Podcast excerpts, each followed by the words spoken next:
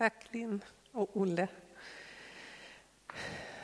Idag så är det jungfrubebådelsedag. I de allra flesta kyrkor runt världen så firar man den jungfrubebådelsedag den 25 mars, alltså precis nio månader innan juldagen. Det är en röd dag, en helgdag. Och det var det faktiskt här i Sverige också ända fram till 1953. Då gjorde vi i Sverige en kalenderförändring och tog bort en del helgdagar. Och nu så firar vi i Sverige enligt kyrkåret och jungfrubebådelsedag någon gång i fastan, fastetiden, mitt i fastetiden. Texten jag ska läsa tycker jag är en av Bibelns allra vackraste berättelser och inte bara det, är en av Bibelns viktigaste berättelser. Den berättar om den kristna trons viktigaste byggstenar. Att Gud blev människa och tog sin boning i en ung kvinnas kropp. Och nu tycker jag att ni ska, vi alla står upp, för nu har ni suttit så länge. Och så kan ni lyssna till dagens evangelietext som är hämtad ifrån Lukas evangeliet, det första kapitlet och vers 26. I den sjätte månaden blev ängeln Gabriel sänd från Gud till en ung kvinna i staden Nasaret i Galileen. Hon hade trolovats med en man av Davids släkt som hette Josef och hennes man var Maria. Ängeln kom in till henne och sade Var hälsad, du högt benådade, Herren är med dig. Hon blev förskräckt över hans ord och undrade vad denna hälsning skulle betyda. Då sa ängeln till henne, var inte rädd Maria. Du har funnit nåd hos Gud. Du ska bli havande och föda en son och du ska ge honom namnet Jesus. Han ska bli stor och kallas den högste son. Herren Gud ska ge honom hans fader Davids tron och han skall härska över Jakobs hus för evigt och hans välde ska aldrig ta slut. Maria sa till ängeln, hur ska detta ske?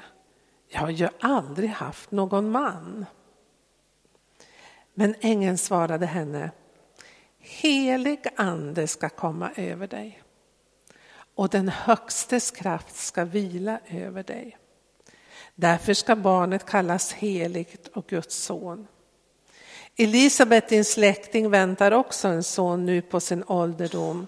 Hon som sades vara ofruktsam är nu i sjätte månaden. Ty ingenting är omöjligt för Gud. Maria sade, jag är Herrens tjänarinna. Må det ske med mig som du har sagt och ängeln lämnade henne. Varsågod och sitt. Jag kommer inte ha några powerpoint-bilder idag så att ni, nu får ni lyssna desto mer intensivt. Vi kan se den här texten och den här berättelsen med olika glasögon. Om vi läser berättelsen med moderna så kanske så kallade vetenskapliga glasögon så blir berättelsen helt obegriplig. Det mänskliga förnuftet säger detta kan inte ha hänt. Det är en saga. Det kan inte bevisas. Berättelsen passar inte in i vår moderna världsbild. Och visst är det svårt att förklara och förstå Födelsen, särskilt om man förnekar Guds existens och inte tror att Gud kan gripa in i historien. Vi kan inte med mänskliga logiska argument bevisa att detta har ägt rum. Och att det som Lukas berättar om verkligen är en historisk händelse. Men om vi läser berättelsen med trons glasögon så är ingenting omöjligt. För om Gud existerar och har skapat världen och allt det vackra vi kan se och oss som sitter här, vi är ju fantastiska skapelser, så är det inte alls märkligt att Gud gjorde detta under i Marias kropp och att hon blev havande utan en mans medverkan. För Gud är ingenting omöjligt.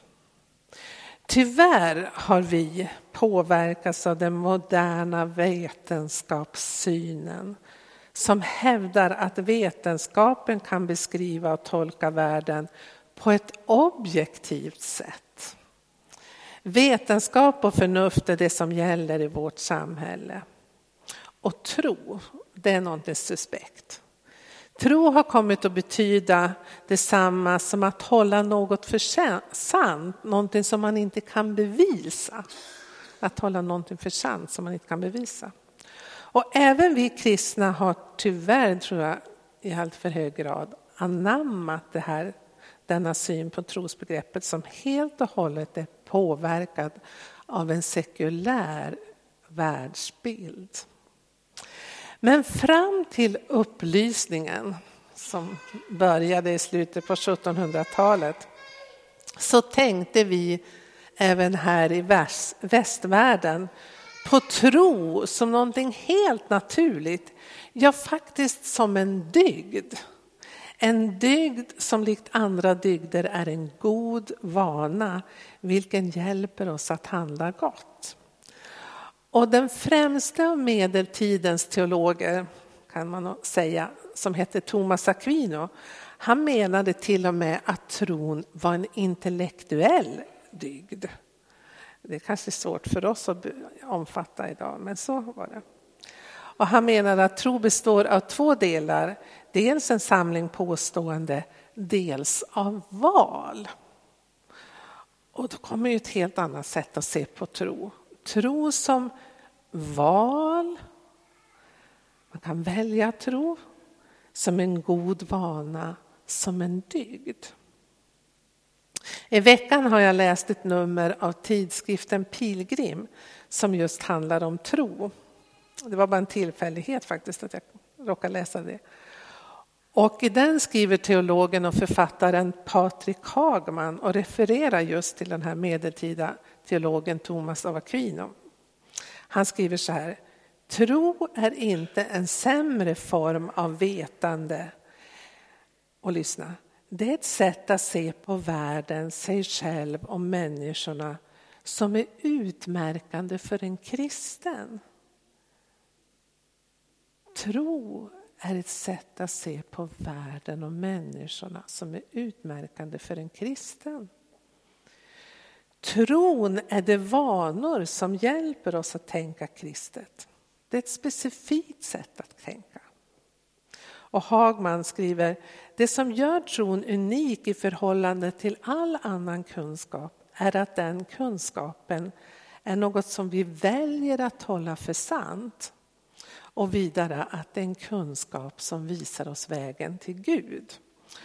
Och så menar han också med Thomas Aquino i ryggen att tron är en dygd och den hör samman med hoppet och kärleken. Ja, tillbaka till dagens text, nu har jag haft en lång utläggning. Vi kan alltså läsa, och jag vill, varför jag berättar det här, vi kan alltså läsa den här texten som jag nyss har läst med de moder, den moderna världsbildens glasögon som vi många är påverkade av och som har format vårt tänkande och den kultur vi lever i. Eller också kan vi välja att läsa berättelsen om jungfrufödelsen med trons ögon präglad av den kristna världsbilden. Och vi kan välja att stämma in i hela den världsvida kyrkans tro och bekännelse. För vi tror inte ensamma, även om vi ibland kan känna det så i det sekulariserade Sverige. Och när jag säger det här så vill jag också stryka under att även vetenskapen, som ibland hävdar sig vara objektiv, bygger inte alltid på självklara objektiva sanningar som alltid leder till säkra bevis. Särskilt inte när det gäller frågor om livets uppkomst, om Guds existens och livets mening. De bygger alla på antaganden och tro utifrån den världsbild man själv har. Och har man en världsbild som säger att Gud inte finns så gör man antaganden utifrån det. Och det här var någonting som faktiskt man på 1980-talet inom vetenskapen kom fram till. Att tro att vetenskapen är inte alltid helt objektiv. Det blev som ett paradigmskifte. Och det ledde till att man säger att idag så lever vi inte i en modern med en modern världsbild utan väldigt många människor lever med en postmodern världsbild. Har ni hört det? Jag har pratat om det förut. Och i den postmoderna världsbilden då är det just det här att det är inte så lätt att bevisa vad som är sant för allt det vi antar utgår ifrån någon slags världsbild och någon form av tro. Är ni med? Eller har ni somnat? Ja, bra. Även, och då vill jag säga, även ateisten bygger sina uppfattningar på en tro och på antaganden och hypoteser. Det vill jag hävda med emfas, även om de inte skulle hålla med mig om det. Ja, om vi då väljer att se den här berättelsen med trons ögon så innebär det inte alls att vår tillvaro begränsas. Det till, innebär inte heller att vi måste förneka vår intellektuella förmåga att tänka kritiskt och granska fakta.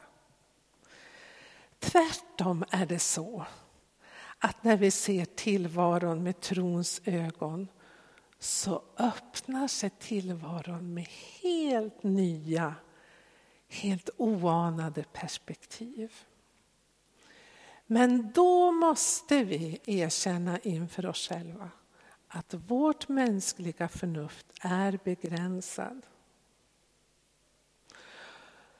Och det inser ofta den som tillägnar sig mer och mer kunskap. För ju mer kunskap man får, ju mer inser man att det finns fler och fler tolkningsalternativ och att tillvaron har väldigt många nyanser och gråzoner. Det blir allt tydligare. Med andra ord, endast den som är okunnig och inte har så stor kunskap är tvärsäker.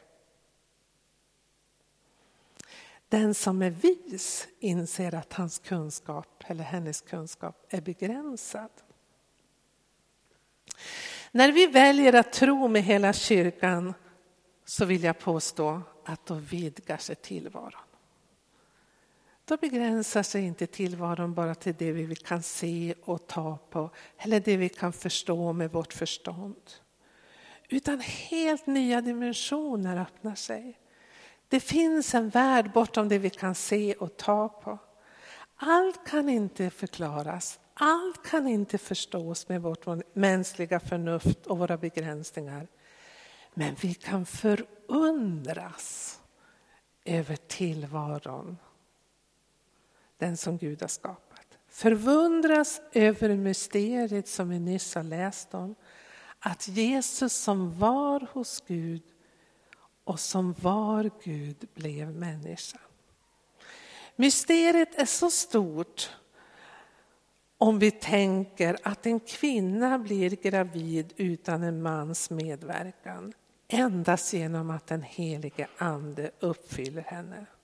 Det här kan vara svårt att förstå och det är ännu svårare att försöka förklara det.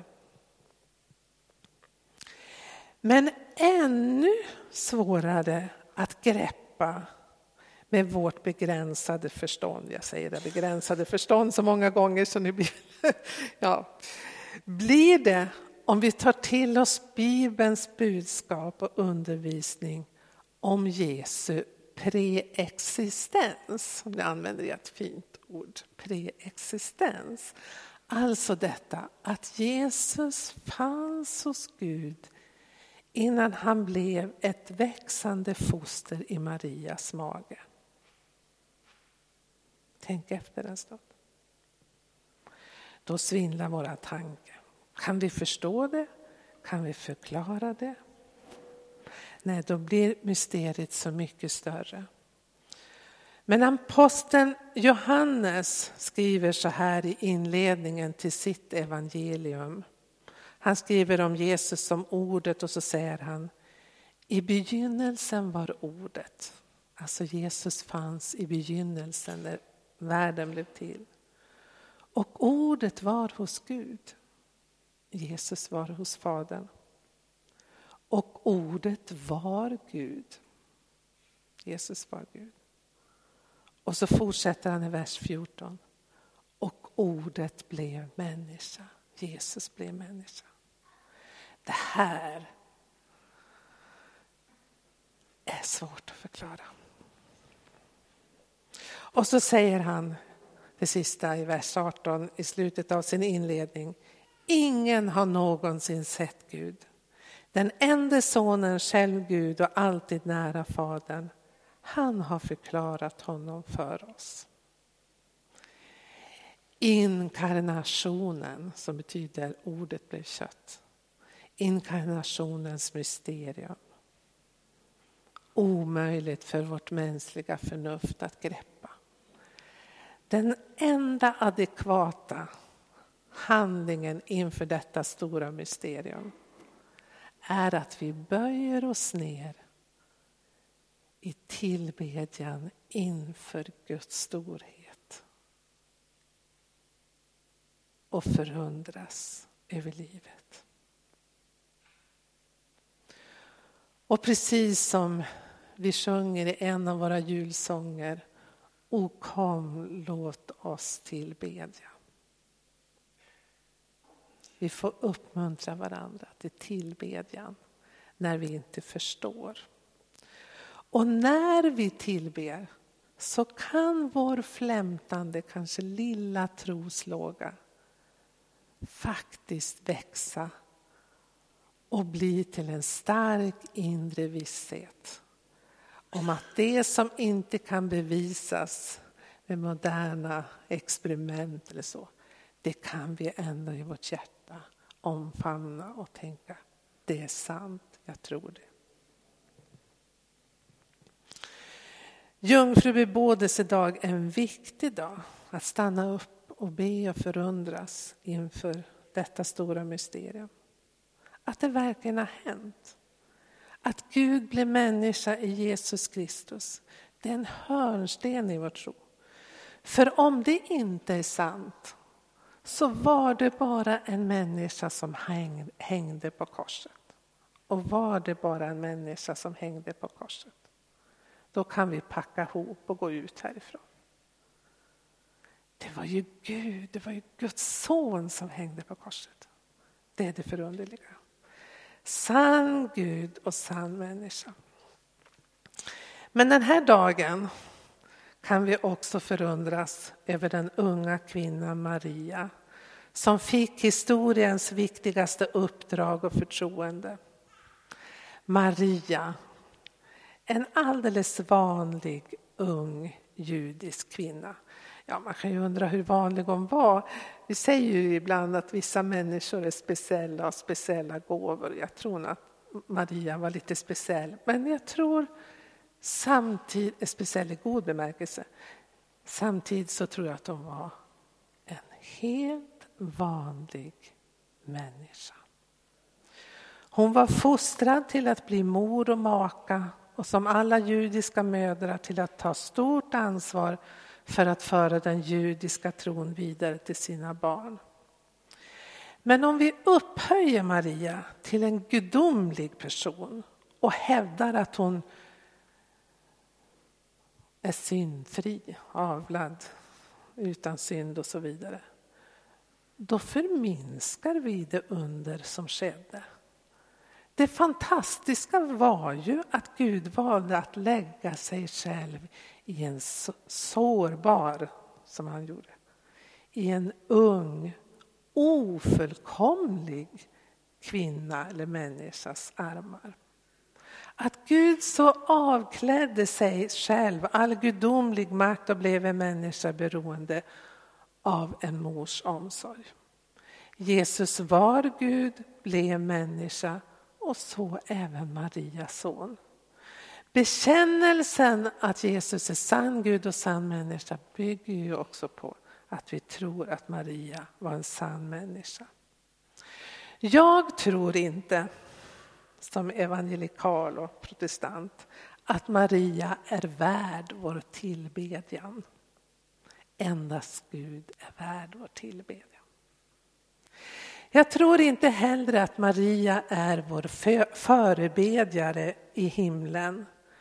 För i Bibeln finner jag endast att det är Anden som manar gott för oss och att det är Jesus Kristus som sitter på Faderns högra sida och ber för oss. Men jag ser Maria som en stor förebild för oss kristna. Inte någon som vi ska gömma undan. Hon är värd att hedras. Och framför allt för hennes helhjärtade ja till det uppdrag hon får. Och jag tycker att det är spännande med hennes högst sakliga och relevanta fråga. Hur ska detta ske? Jag har ju inte haft någon man. Jag tycker att det visar att Maria är lite både jordnära och inte alls naiv. Men det förunderliga är ju att hon inte ifrågasätter ängelns svar. När ängeln säger att jo, det ska ske genom att den helige ande ska komma över dig och den högstes kraft ska vila över dig. Maria tar bara detta till sig och säger ja, jag är Herrens tjänarinna, må det ske med mig som du har sagt. Och trots att det var ett väldigt oväntat svar att hon skulle föda en son utan en mans hjälp. Visserligen tillhörde Maria en familj som väntade Messias snara ankomst. Men det fanns inte då i judendomen och finns inte idag i ortodox judendom någon förväntan på att Messias skulle vara eller kommer att vara Guds son. Så även om det står i Jesaja att en jungfru ska föda en son så tänkte man inte att, det var, att inte en man skulle vara inblandad i det. Utan judar, fromma judar idag väntar fortfarande på Messias ska komma. Men han kommer att vara en vanlig människa. Vanlig inom citationstecken. Maria tar det till sig hon tar till sig orden. Ty för Gud är ingenting omöjligt. Och då ska vi fundera lite grann. Maria som vår förebild. Maria fick bära Jesus nära sitt hjärta och föda honom till världen. Och även du och jag har uppdraget att bära Jesus Kristus till världen. Att vara hans händer och fötter. Och Paulus skriver att vi är Kristus brev. Han skriver också att vi är ett tempel för den helige Ande. Om vi har tagit emot Jesus Kristus så där vi finns så är vi ett tecken på Guds närvaro och vi är Kristus sändebud. Men när jag säger det här så tror jag att de flesta av oss känner oss små, ynkliga och så tänker vi precis som Maria, men hur kan detta vara möjligt? Hur ska jag kunna vara ett Kristusbrev? Hur ska jag kunna bära Kristus till världen? Jag tror att det bara kan ske om vi likt Maria tar emot Jesus Kristus och bär honom nära vårt hjärta. Vårdar relationen, låter oss uppfyllas av hans kärlek hela tiden och låter oss uppfyllas av den helige Ande. Paulus skriver i Efesierbrevet, låt er uppfyllas av helig Ande.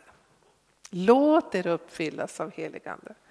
Och när han använder ordet uppfyllas så står det i presens. Och på Nya testamentet i grekiska så innebär det att det ska vara en pågående process. Det har jag tjatat om i många predikningar. Alltså det Paulus uppmanar oss till det att vi ständigt ska låta oss uppfyllas av den helige Ande. Och då tänker jag avsluta min predikan med att skicka med ängelns ord till oss var och en som jag ser också som ett löfte. Om vi vill, om vi öppnar oss och tar emot i tro så kan vi också ta emot ängelns ord. Helig ande ska komma över dig och den högstes kraft ska vila över dig. På så sätt kan du och jag också föra och bära Kristus ut i världen. Låt oss be. Herre, vi ber i Jesu namn. Och vi böjer oss inför dig och inför din storhet. Idag vill vi särskilt förundras över och tillbe det fantastiska att du blev människa, att du var villig att avkläda dig all gudomlighet och bli en människa som vi. Vi tillber dig Jesus Kristus. Och så ber vi, kom och fyll oss med din kärlek. Kom och fyll oss med din helige Ande. Och låt oss än mer bli Kristus brev i världen. Jag ber om det. I Jesu namn. Amen.